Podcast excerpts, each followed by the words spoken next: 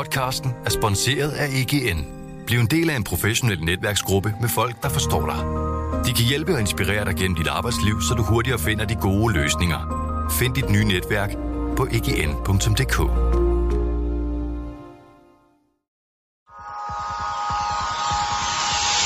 Du lytter til Succeskriteriet, et program om drømme og ambitioner. Podcast fra Berlingske Business er sponsoreret af Nordea. Din vært er Ane Kortsen. Når man først er blevet en succes og bliver bedt om at kigge tilbage, ja, så kan man jo godt lyde som om, at alt var fuldstændig gennemtænkt fra starten af. Men sandheden er, at det er sjældent tilfældet. Stix Sushi er en af de helt store succeser inden for restauration herhjemme, men øh, det var slet ikke restauratører, som i sin tid grundlagde succesen. Hvordan kan det være, at de så alligevel gik hen og blev en succes? Det skal vi høre om i dag, hvor jeg har medstifter og direktør Kim Rabeck i studiet. Hej Kim. Goddag. Goddag. Kim, nu siger jeg jo så kægt, at I er en succes. Øh, og min erfaring er, at det, jeg kan sjældent få nogen til at indrømme det. Men øh, hvis jeg ser på, hvordan det ser ud med Stix Sushi i dag, så har I 1100 ansatte med forløb i 12 restauranter i Storkøbenhavn, 5 i England og 1 i Berlin. Det er korrekt, ja. Så man kan godt sige, at det går meget godt. Ja, det gør det faktisk. Det går okay. Ja. Det kunne, det kunne, Det kunne gå værre. Det kunne gå værre, Ja. som min far Fæsbjerg ville sige. Ja, det kunne, ja. det er ikke så ringe. Nej, det er ikke så ringe. Men øh, Kim, I åbnede den første Stiksten Sushi i 94 i Nansens Gade. Ja.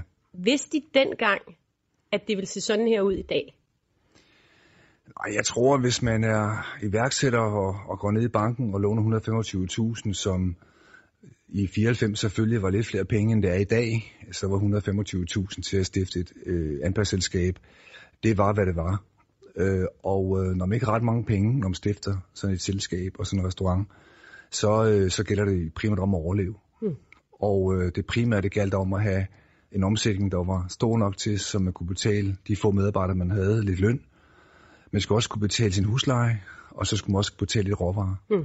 Og når de tre ting ligesom var, var på plads, så må man jo kigge i pengekassen, så hvis der var lidt til over, så var det det, som stifterne så kunne få. Så man skal have en, øh, altså man skal have vild fokus på omkostningerne, og så skal man hele tiden være sulten og, og arbejdsom, kan man sige, fordi der er ikke ret mange penge at gå godt med. Mm. Så I var ikke klar over, eller I havde ikke penge til at starte et imperium, da I gik i gang? Ej, det var så i givet fald et meget, meget lille imperium. Mere i Nansensgade, ja. Men, men prøv at høre, hvordan, eller prøv at fortælle, hvordan startede det egentlig? Hvordan fik, fik I ideen, og hvem er stifterne? Jamen, stifterne er min bror Jens, øh, som på det tidspunkt har været seks år i, i Japan og har fået en, en, en grilluddannelse inden for det, man kalder yakitori, som er det, det ene ben i vores Dixon Sushi, altså vores mors grill, grillspyd. Og så var det min øh, svoger, Thor Andersen, og så var det mig og min, min, min kone Christa, og vi, vi satte os sammen omkring øh, det her koncept, og vi vil egentlig gerne hjælpe min bror Jens med at, at, at lave en restaurant, og det synes vi var spændende. Øh, og øh, på det tidspunkt havde jeg et job i en anden virksomhed, og det hedder to også, han er sin egen lille reklamebureau. Så vi var sådan, ja, vi havde lidt, lidt, lidt, lidt penge øh, på, på, på kistebunden, mig og, mig og Thor. I hvert fald penge nok til at gå ned i Jyske Bank og låne nogle penge. Mm. Og I vil, gerne, I vil så gerne hjælpe Jens, som vil åbne, han vil Ja, faktisk vi ikke vil- åbne en, en yakitori-restaurant, han vil åbne en sushi-restaurant. Ja, altså, ja, altså vi vil gerne kombinere det varme køkken, øh, sushi, øh, altså yakitori med det, med, med, med det kolde køkken, sushi. Og øh, Hvorfor egentlig? Hvorfor ikke bare sushi? ja, på det tidspunkt synes vi nok, at det ben, der hedder det rene grill, det varme køkken, havde ikke rigtig gang på jorden herhjemme alene. Så vi er nødt til at kombinere det. Og da vi har, vi har en, en halv japansk baggrund med en japansk mor og en, og en, og en far fra Esbjerg, så vidste vi, at det der med fisk alene stod lidt uskarpt, og det der med det varme stod lidt uskarpt. Så vi kombinerede de to køkkener, og det viste sig jo sådan set at være en meget god idé. Øh, Kan man sige, at det var sådan lidt en måde for danskerne til at interessere sig for sushi, ved at der også var noget kød? Ja, jeg vil sige, det varme køkken, hvor man griller noget kylling, og vi griller noget oksekød og noget, noget, noget, noget, grøntsager osv., har introduceret sushien til, til mange mennesker. Så det var muligt at, at komme ned i vores restaurant og ikke spise sushi, men kunne ja. spise det andet. Og så, så fik man sådan en lille agurkrulle i munden, og så synes man, det smagte meget godt, og så kørte det derfra. Mm. Og hvorfor, altså som jeg nævnte før, du er jo ikke restauratør, Nej, og det var din svoger heller ikke. nej. Hvor, hvor, hvordan kunne I finde på at kaste jer ud i det? Jamen altså nogle gange, når man får en god idé, jeg tror ma- mange gange, at øh, de fleste gode idéer, det opstår ved, at, at man siger, kunne det ikke være sjovt at prik, prik, prik, prik. Mm, kunne det ikke være det sjovt kender man jo fest? godt, Det ja. kender man jo godt, og det, jeg tror mange gode idéer kommer ud af den der spontane tankegang, og så, og så, så, så, så, så holder man så en fest, eller man, man, man, man finder på et eller andet. Øh, og det er nok den, den kimen til iværksætteri, at øh, ud, udforske noget, som måske er lidt smule ukendt. Mm. Øh, nu er jeg født og opvokset med min bror Jens i, i, øh, i fiskebranchen hjemme, så, så, så fødevare har- var en del af min barndom, men restaurationsbranchen var ikke. Øh, så det var sådan lidt af en, måske at skabe en professionel hobby. Mm. Og øhm, Og hvordan gik det så? Altså da I så kastede jer ud i det, fik de her 125.000, Ja. ja. som jo virkelig ikke er meget, øh, selvom det selvfølgelig er er ved at være ja, 23 år siden, så Ja. selv dengang var det jo ikke meget. Nej. Hvordan gik det så, da I så kastede jer ud i det? man kan jo sige, at den måde, vi gjorde det på, det var, at vi, vi havde et pænt netværk. Vi havde et netværk inden for de kreative folk, inden for, hvad skal vi sige, fotografer, copywriter, tekstforfattere og, og Altså så videre. venner. Venner af mm. huset, og så kendte vi også nogle revisorer og advokater. Det hjalp med alt det her. Gratis, eller fik I penge? Nej, jeg sagde til dem, at øh, hvis det hjælper os, kan sige, per conamora, altså med kærlighed, mm. så hvis det lykkedes, så ville de få lov til at skrive en faktura på et tidspunkt ude i fremtiden. Heldigt. Og, øh, og det gør de så i dag, hilse med. Det gør de så også kraftigt. Ikke? Men vi Jamen, holdt, vi har så I har holdt fast i dem, der yes, hjalp jer? de kerne med, ke- kernekredsene er, er stadigvæk intakt. Og nogle af, nogle af dem er endda blevet øh, medejere i virksomheden senere hen. Tror du, det er en hemmelighed bag... Øh, Og netværk er jo altid enormt ja. godt. Altså venner. Mm. Venners venner er jo den måde, man også bygger et netværk op på. Så, så det var en meget, meget væsentlig del af det. Øh, og, øhm, og, og, og, og med de, og uden den, den, den kreds af venner og bekendte, så var det ikke lykkedes, det var det ikke. som valgte at arbejde gratis, faktisk. Ja, med den For- første restaurant, ikke? Altså vores arkitekt, Therese Erngård, som nu sidder og arbejder med en stor svejsisk øh, øh, arkitektfirma nede i Berlin, har stort set tegnet alle vores restauranter, og det gjorde hun per Conor i starten. Øh, og i dag ryger der nogle fees ind på hendes konto, mm. hvilket også er fair. Mm. Men det vil sige, at man skal ikke stå tilbage for at spørge venner og bekendte, øh, om de vil lave noget gratis for en i Nej, starten. man skal bare være upfront med risikoen. Altså deres risiko, nogle af de her, det var inden for det, man kalder sådan, de kreative fag og, og så videre. Det, de brugte tid på, det var deres tid. Mm-hmm. Det vil sige, vi bad dem ikke om at komme med, med, med, med, med skal vi sige, fysiske produkter. Vi bad dem om deres tid og deres, no, der, deres, know-how, faglighed, deres ja. faglighed. Ikke? Mm. Og det vil sige, hvis de brugte 10 timer på det, så var det det, de satte og måske 20. Og så, hvis det gik helt galt, at vi måtte lukke og slukke, jamen så har de brugt deres tid, og det er sådan set mere en relativ størrelse, end hvis vi har bedt dem om at komme med flere hundredtusind kroner. Ikke? Mm. Så de kunne, ikke, de kunne tabe deres tid, de kunne ikke tabe kontanter eller, eller andre ydelser. Mm. Og du, nu nævnte du lige før, at du havde et job før. Ja. Hvad var det, du lavede, øh, indtil du så kastede dig ud i det her? Jamen, jeg har arbejdet sådan inden for øh, media og kommunikation i mange år. Jeg var på et tidspunkt øh, konceptansvarlig for noget, der hedder Syndagsvisen. Jeg har også været et par år med øh, administrerende direktør for Euroman. Så min, min baggrund er inden for media og men mest på den administrative side, så jeg har været den administrative hej i de der ja. i de forskellige sammenhænge der. Så, øh, Men kunne du bruge det til noget, da du så kastede dig ud i at være restauratør? Ja, hele den, hele, alle de år, jeg eksempelvis jeg var hos øh, Richard Bunk i, i Søndagsvisen, og ville give også på børsen med, med Søndagsvisen der i 96, lærte mig jo alt omkring organisation og ledelse og øh, skal man sige, governance øh, strukturer og i hvordan man bygger en virksomhed op. Så den, kan vi sige, øh, den, den, den, den MBA, man fik der, den har jeg selvfølgelig brugt siden, og det er jo også den måde, vi har bygget virksomheder på. Så, så Stiksen Sushi i dag er en virksomhed, der driver restaurationer, og ikke en restaurant, der forsøger at være en virksomhed. Og det er nok det, en af årsagerne til, at vi, vi har altid lidt flere penge på, på bundlinjen, end, end, end vi bruger. Jeg synes jo også, øh, når jeg øh, kigger på Stixon Sushi, I har en meget særlig måde at kommunikere på. Ja, altså, det, det skyldes nok vores kommunikative baggrund og de mennesker, som hmm. sørger for vores, vores brand. Altså varemærker på dansk, det hedder jo ikke varemærker længere, det hedder det faktisk i gamle dage. Mm. Men det brand, vi er i dag, er jo et, øh, et brand, som vi forsøger at hele tiden fastholde med en lidt kant, lidt humor, og meget kommunikerende, sy- sy- meget ja, ja, vi skriver meget. Ja, Vi skriver ja. meget. Ja, vi, vi, vi er meget atypiske. Altså, vi trykte for eksempel vores, vores første menukort, og vi havde cirka 50 pladser i anden det trykte vi jo i oplag på 5.000. Hvilket er øh, meget, vel?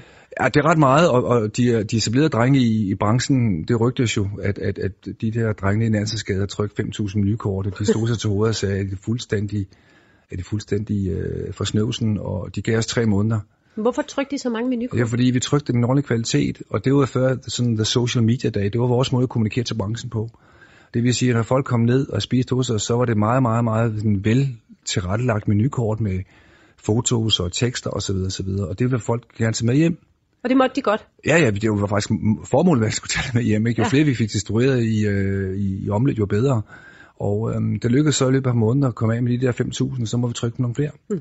Og det lå så rundt omkring i byen og i folks hjem derhjemme, og så på den måde fik vi spredt budskabet. Det var før, man kunne gå på tweets og på Instagram og hvad der ud så Snapchat. Snapchat. Så i virkeligheden gjorde I menukortet til en form for øh, altså reklame flyer? Ja, altså, jeg har aldrig forstået de, de, de virksomheder øh, inden for vores branche, som, som, som, som fedter rundt og sparer på menukort. Det er jo prislisten. Ja. Altså, det, det, er jo, det, det er jo deres kommunikationsværktøj for pokker. Ja. Ja. Og hvis man sådan tror, man kan sælge biler med kun én prisliste, eller man kan sælge møbler eller noget andet kun med en eller to prislister, øh, så, er man, så er man jo øh, tænkt forkert. Og mm. det er jo der, vores uerfarenhed i branchen kom. Vi kom ind i branchen, som jeg selv sagde før, eller vi siger før, vi, vi aner ikke noget om, hvordan man driver restauranter, så vi driver bare virksomhed. Mm. Og normalt er det restauratører, der kommer ind og skal være virksomhedsejer. Ja, du har gået på kokkeskole, du du er uddannet kok og kommer ud og skal have din, din, din, din egen restaurant, og så kigger du på omkostningerne, og hvis du har 50 pladser, så har du måske 15 menukort, så sparer du det, ikke? Og, mm. og, og så videre. Så vi, vi, vi tænkte jo anderledes, og det har vi sådan set gjort altid. Så man kan faktisk sige, hvis man skal sætte det lidt på spidsen, at jeres manglende erfaring faktisk var en fordel? Ja, altså det vi nogle gange, altså det man ikke ved, kan man jo ikke gøre forkert. Nej, man ved i hvert fald ikke, at man du, gør du gør det ikke, altså, du gør det bare, fordi mm. det, virker, det, det virker fornuftigt, og det giver mening. Øh, mange gange, når man ligesom skal gøre tingene fortænkte, så bliver det også meget, meget som sige, krabagtigt, og, og din fleksibilitet og din kreativitet dør jo mange gange i, i, i den her, men det kan vi ikke. Hvorfor ikke? Jamen, det plejer vi ikke at gøre. Sådan gør man ikke. Sådan gør man ikke i vores branche, så gør man ikke her. Altså, hvorfor? Jamen, det gør man bare ikke. Og så, så, så, så, så det der raison hvorfor man ikke gør det, det, det, det flyver bare op i luften. Ikke? Mm. Så på et tidspunkt, så begynder I jo også at lave takeaway. Ja. I åbner faktisk en takeaway lidt længere nede i, ja. øh, i Nansens Ja. Og det var heller ikke sådan helt planlagt, vel? At nej, I vores, takeaway? Nej, altså vores takeaway var jo, den kom jo også ud fra markedets øh, behov. Altså vi står en, en, en lørdag nede i vores restaurant, og så kommer der folk ned for at få et bord, der er fuldt booket, og så spørger de mig, øh, kan, vi ikke, øh, kan vi ikke få noget mad med hjem? Og så kigger jeg på det der søde par, og så det kunne I vel egentlig godt. Og så spørger Jens ud i køkkenet, Jens, skal vi lave mad til de her to? Jamen det kan vi godt, så har vi nogle plastikæsker, og så, så laver vi noget mad ned i det, i de her æsker, og så, og så afregner vi fuld pris for de her menuer, og så gik de. Hmm. Og det rygtes jo. Hmm. Så nogle gange, så efter en måneds tid eller to, jamen, så havde vi så meget drøn på vores Altså før vi åbnede om aftenen og kl. 18, at vi nogle gange så havde vi jo næsten udsolgt af mad, så vi var jo, vi løb tør for mad på de folk, der egentlig havde booket bord. Det var jo rent øh, halvøj på badehotellet. Altså det var totalt kaos nogle gange. Mm. Så vi måtte rundt, rundt, rende rundt til restauratører rundt i byen og få noget ekstra ris og så videre, så videre. I dag er det en hammerende sjov historie. Mm. Men de Dengang aften... var det ikke så sjovt. Nej, det var altså, det, det, det er svært at forklare folk, der bestilte bord i, i uger i forvejen, at vi ikke er mere ris. Det, Ej, det, det, det, jeg kan godt forestille mig, at man blev lidt ærgerlig. ja, så godt nok Så det vil sige, at det der takeaway kom helt bag på jer, at, det, at der var så stor en Ja, der var efterspørgsel på det, ja. og, vi, og, og så lavede vi en takeaway nede i gaden. Og, øhm, og det, der var det modsatte. Der ville vi kun sælge takeaway så har vi indrettet den her takeaway ret, ret flot. Design betyder meget for os, altså den her måde, vi indretter restauranterne på. Så vi har gjort, ud, gjort noget ud af at lave en flot, flot takeaway restaurant med, hvor man også kunne sidde og få en øl, og så hvis man ventede. Og så ville det modsatte. Så, så vi kan, så vi kan, kan, kan spise, og det var ikke meningen. Så det var sådan lidt skud og mudder, faktisk. Mm. Men øh, der fandt vi ud af, at hvis du kombinerede en restaurant med takeaway i, en, i sådan lidt, lidt high-end, så skulle det godt lade sig gøre. Mm. Så i stedet for at skilte ad, og så, ja, så det her takeaway, det yes, her restaurant, så, så fandt I ud af at sætte det sammen. Sætte det sammen, og så dermed øges produktiviteten i køkkenet en 30-40 procent. Mm. Når du siger tilbage, er der så noget, som I gjorde fuldstændig galt, som du sådan fortryder? Hvor du ja, tænker, det var en fejl. Ja, vi lavede mange fejl. I lavede mange fejl? Ja, det gjorde vi sgu. Altså mm. virkelig mange fejl. Altså, jeg kan næsten ikke ramme den op, men, men, men, men, men mange af de fejl, vi lavede, det var jo i en størrelsesorden, som, som øh, var, var, til at overse. Men vi lavede, vi lavede nogle fejl, som, som var dyre. Vi lavede for eksempel en, en, en franchise-aftale med nogle islændinge i 2000, mm. og det var en stor fejl. Det kunne vi slet ikke styre, det der. Vi var alt for små, vi var defokuserede. Øh, vi forsøgte også på et tidspunkt at lave nudler, det skulle vi heller ikke. Så, så, så lærerne det er, at du skal fokusere. Som, hvis, hvis du er god til noget, så skal du gøre det, som japanerne siger, så bliver ved med at gøre det, du er god til, og gøre det bedre. Mm. Og lad være med at tro, du skal alle mulige andre du, du retninger. får så mange tilbud fra det højre og venstre. Altså, vi har jo i 23 år lavet det, vi gør. Stik sushi, altså yakitori og sushi. Og så i dag er vores menukort noget mere bredt. Vi går økologi, vi er dyrevelfærd inden, og så videre. Vi, mere går, vi går mere med grønt. Så, så vi er blevet meget, meget mere bevidst omkring, hvor, hvor, hvor vi ligger inde i værdikæden, og hvad, hvad, hvad, hvordan verden skal se ud frem efter. Mm. Og der kommer jo også flere og flere konkurrenter, tænker jeg. Altså, der er jo, da I åbnede i 94, der var I- sushi jo helt nyt i Danmark. Nu kan du jo få sushi altså overalt. Ja, du kan få sushi i supermarkedet, du kan få so- frossen sushi, du kan få køleskabssushi, du kan få sushi, ligesom pizza og pasta over det hele, ikke også, ikke? Så det, sushi er jo bare et begreb på, på, på, på et køkken, ja. altså. Så, så, øh, så, så, kan man sige, den københavnske restaurationsscene har vokset de sidste 10-15 år helt, helt enormt. Helt enormt, ja. Øh, vi skal jo også lige tale om, øh, om fremtiden, Ja. fordi øh, jeg nævnte lige i starten, at I har fem øh, restauranter i England. ja. Øh, I 2012 åbnede I i London, og efterfølgende så solgte I en del af virksomheden til kapitalfonden Maj Invest. ja. Hvorfor gjorde I det? Det gjorde vi øh, primært fordi på det tidspunkt, når vi er to familier, der starter en virksomhed, så er man allerede det, man kalder i anden generation af virksomhedens livscyklus. Mm. Fordi øh, vi har fået børn, og, og de bliver større, og der skal være meget, meget bevidst omkring, hvilken profil den tredje generation kommer til at se ud som. Mm. Og, øh, og der har vi så set bare af, af, af, kan man sige, af profilaktiske eller for at forebygge de eventuelle ting, der kan komme i fremtiden, har vi så valgt at tage en professionel partner ind, øh, som har hjulpet os på en videre rejse. Øh, og, øh, og det har mig vist gjort de sidste fem år. Ja. Og det er simpelthen for at undgå, at der ikke skal komme for mange skænderier og for mange uenigheder internt i den her familiedrevede virksomhed. Ja. Mm. Altså- Som der jo tit sker, når man kommer ud i nogle nye generationer, ikke? Ja, det ser man jo. Ja. Altså man ser jo altså nogle, nogle, nogle altså, dem der ikke, altså sådan en virksomhed som Mærsk og Krone, super godt eksempel på, at der er, der, der er styring på det her, de går i fjerde generation nu. Mm. Der er også andre større virksomheder i, øh, i Danmark og udlandet, som, som har kæmpe problemer med, når du kommer i tredje generation. Det, det har du altså. Men, men er det så sådan, at Maj Invest, at de ejer øh, størstedelen, og derfor kan ligesom afgøre, hvis der er tvister? Nej, vi ejer størstedelen. Altså Okay. 51 procent er på familiens hænder, Okay. og de 49 procent hos mig. Så, så det er jo et reelt, et- det er jo et reelt partnerskab, men øh, det betyder meget, at der er 51-49. Ja. Og øh, altså, er, er tredje generation interesseret i at drive det videre? Det ved vi ikke. Det ved jeg, de er stadig så små. Nej, de er oppe i 20, nogle af dem, Okay. så, så, øh, og de arbejder også i, øh, det næste arbejder i virksomheden, øh, og har været i London og så videre. Men, men, men det der, det tænker vi ikke over. Nej, Det tænker ikke vi endnu. Over. Nej, ikke. Hvad så med dig? Du er jo, øh, du er jo fortsat CEO ja. I virksomheden. Men har du stadig samme rolle som dengang, eller hvordan ser du din rolle i dag? Altså, vi startede med syv mennesker, og nu er vi 11-1200, og her til efteråret ansætter vi 300-400 mere. Så min rolle er jo lidt mere anderledes, end det var dengang. Øh, men men øh, så mit, min rolle er mest at være en form for kulturminister for, for, for DNA'et sammen med familien. Og så har vi jo en rigtig dygtige folk på de forskellige poster, der driver butikken i det daglige. Mm.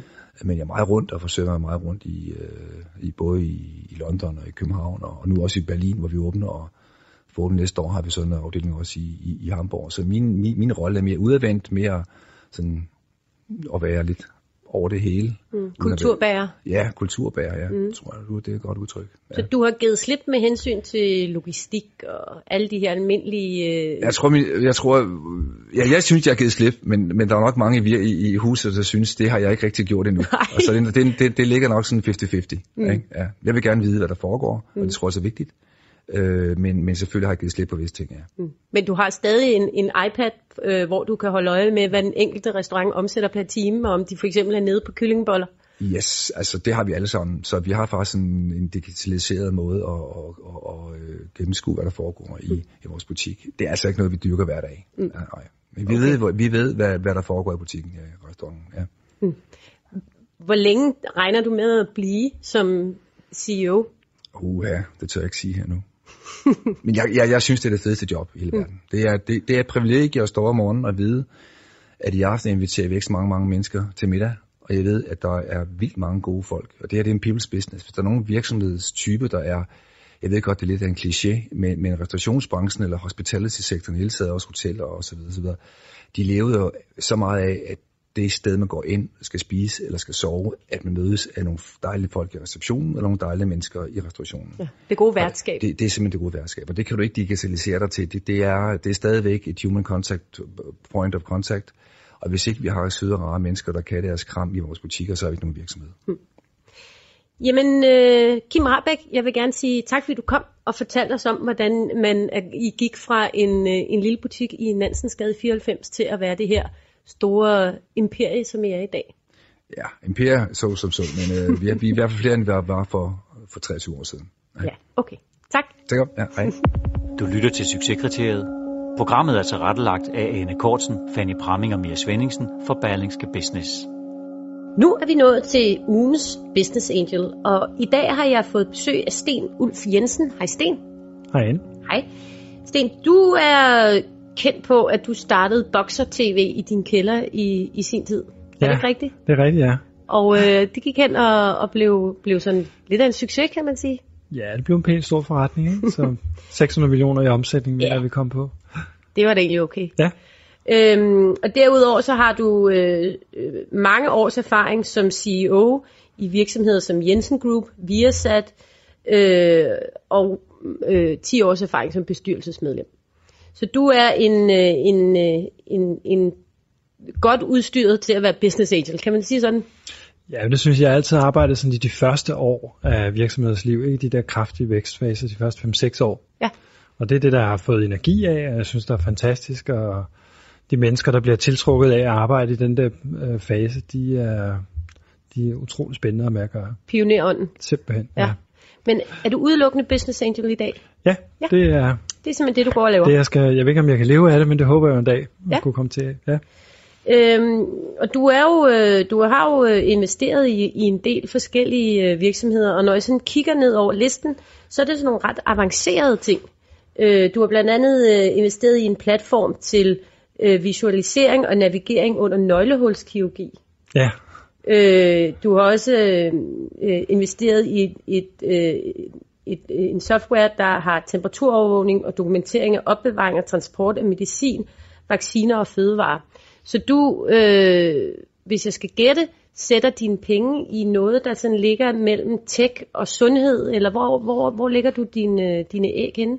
Ja, der skal være noget tech, noget innovation i det. Det, det er ligesom et, et, et fundament, ikke? eller et krav. Ja. Og så har jeg sådan lidt mere blødt, så at, at det må gerne gøre noget godt eller flytte verden frem på en eller anden måde. Så det kan jo være inden for noget sundhed, som de to eksempler er.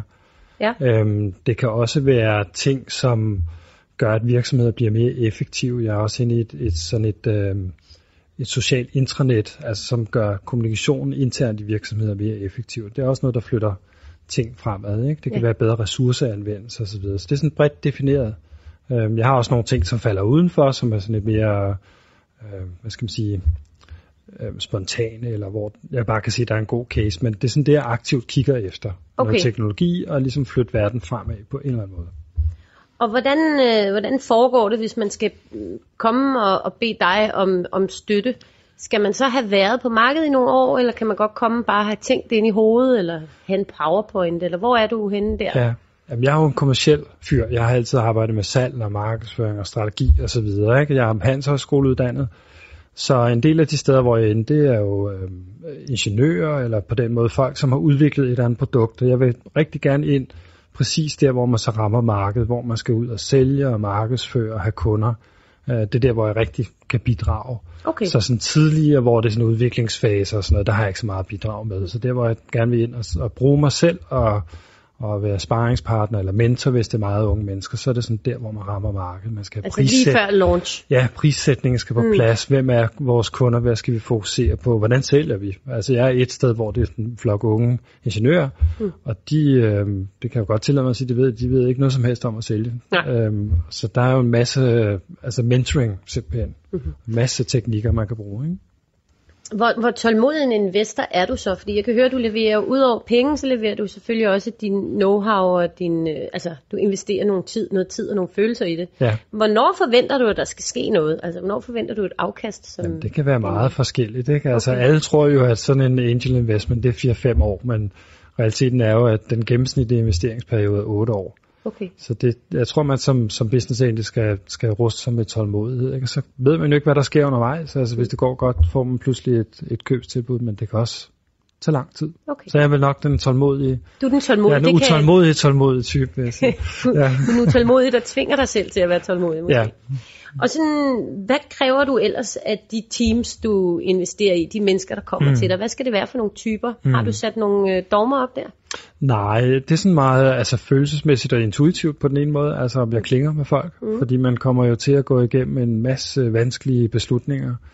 Øh, nogen skal fyres, måske er den, som man har udset, skulle være CEO'en, ikke den rigtige om to år og sådan noget. Ikke? Så, så det der helt personlige plan, det, det føler jeg meget kraftigt efter, mm. når jeg møder folk. Ikke?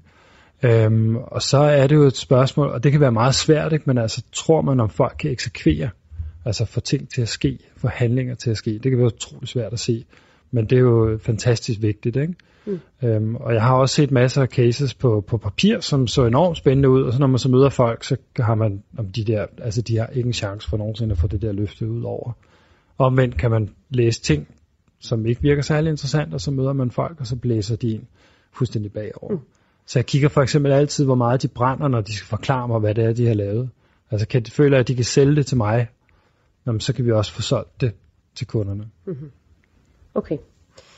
Ja, men altså Sten Ulf Jensen, du er denne uges business angel. Nu prøver jeg lige at opsummere. Du kan godt lide at investere i øh, inden for tech, øh, innovation, sundhed. Du har en dogme om, det helst skal være noget, der flytter verden fremad. Mm. Og ellers kan du også godt lide at investere i ting, der gør, øh, gør noget mere effektivt. Mm. Øhm, du betegner dig selv som en kommersiel fyr. Øh, og det vil sige, at du øh, vil gerne ind på det tidspunkt, hvor der er et produkt, der er færdigudviklet, inden det skal launches, og hvor du kan øh, give gode råd omkring salg og marketing blandt andet. Øh, du ser på, øh, om iværksættere kan, er i stand til at eksekvere, øh, og så skal de have en eller anden fundamental ild i øjnene, sådan som jeg øh, forstår det. Der skal være en passion bag. Ja, korrekt. Godt summeret. Jamen tak skal du have. Jeg glemte faktisk at spørge, er der noget, du holder dig helt fra? Er der noget, hvor der vil du slet ikke hen? Nej, jamen, hvad siger man altid? Altså spiller og cigaretter og sprut og sådan nogle ting, ikke? Altså, jeg, jeg, jeg er ikke vældig øh, glad for sådan rene... Øh, altså, her er en øl, som har lidt mere, mindre alkohol, for eksempel. Altså, det synes jeg ikke er sådan Nej. vældig interessant. Nej. Som et eksempel. Okay. Mm. Jamen, øh, Sten, tak fordi du kom, og øh, jeg håber, I har lyttet med derude. Så tak.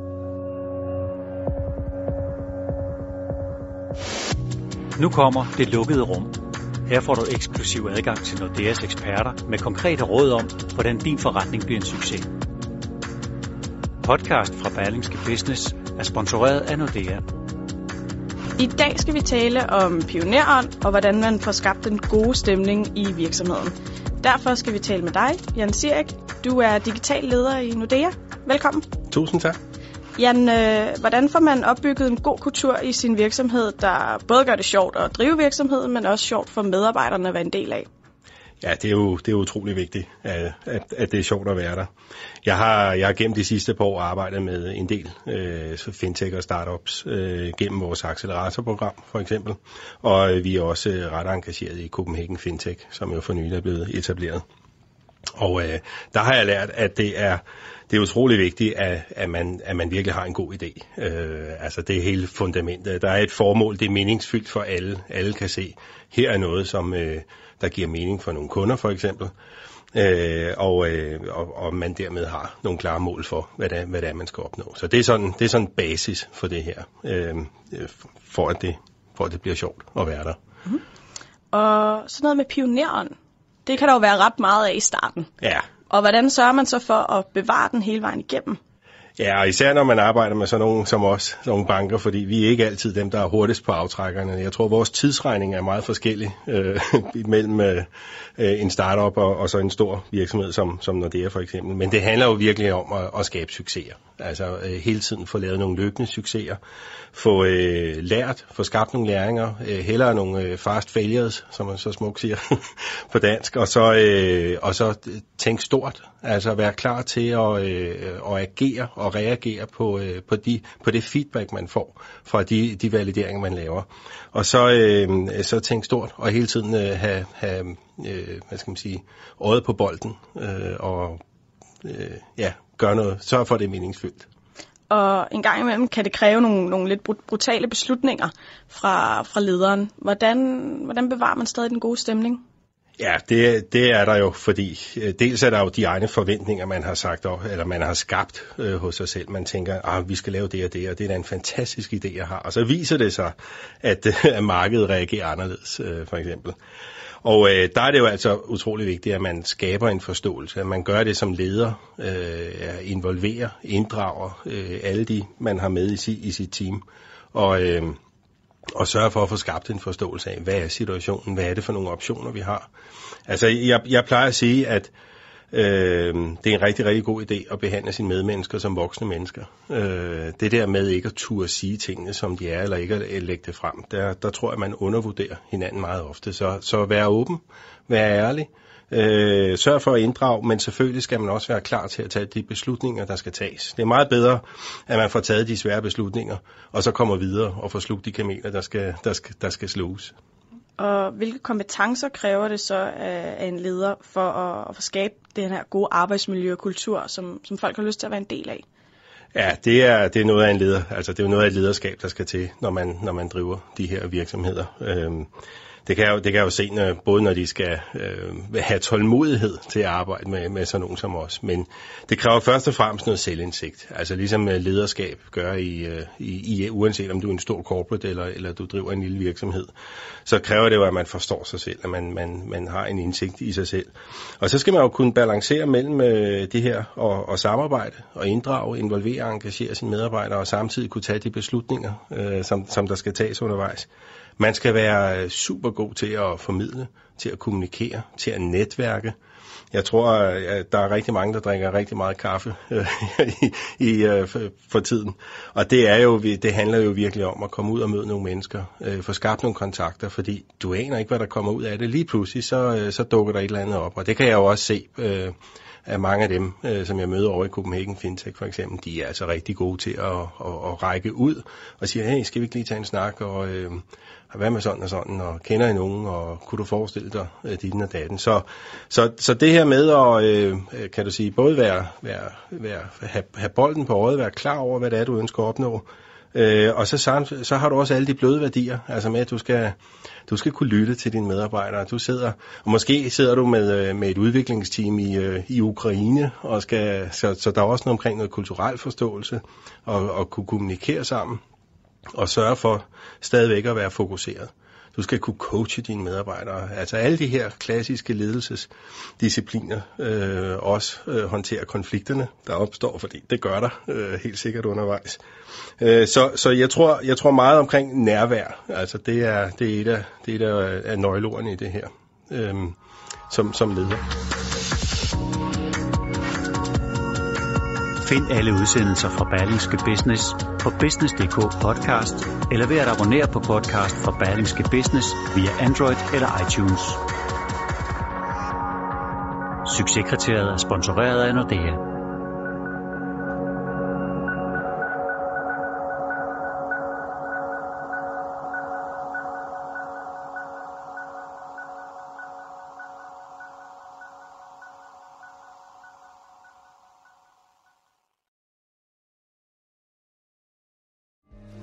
Podcasten er sponsoreret af PVC.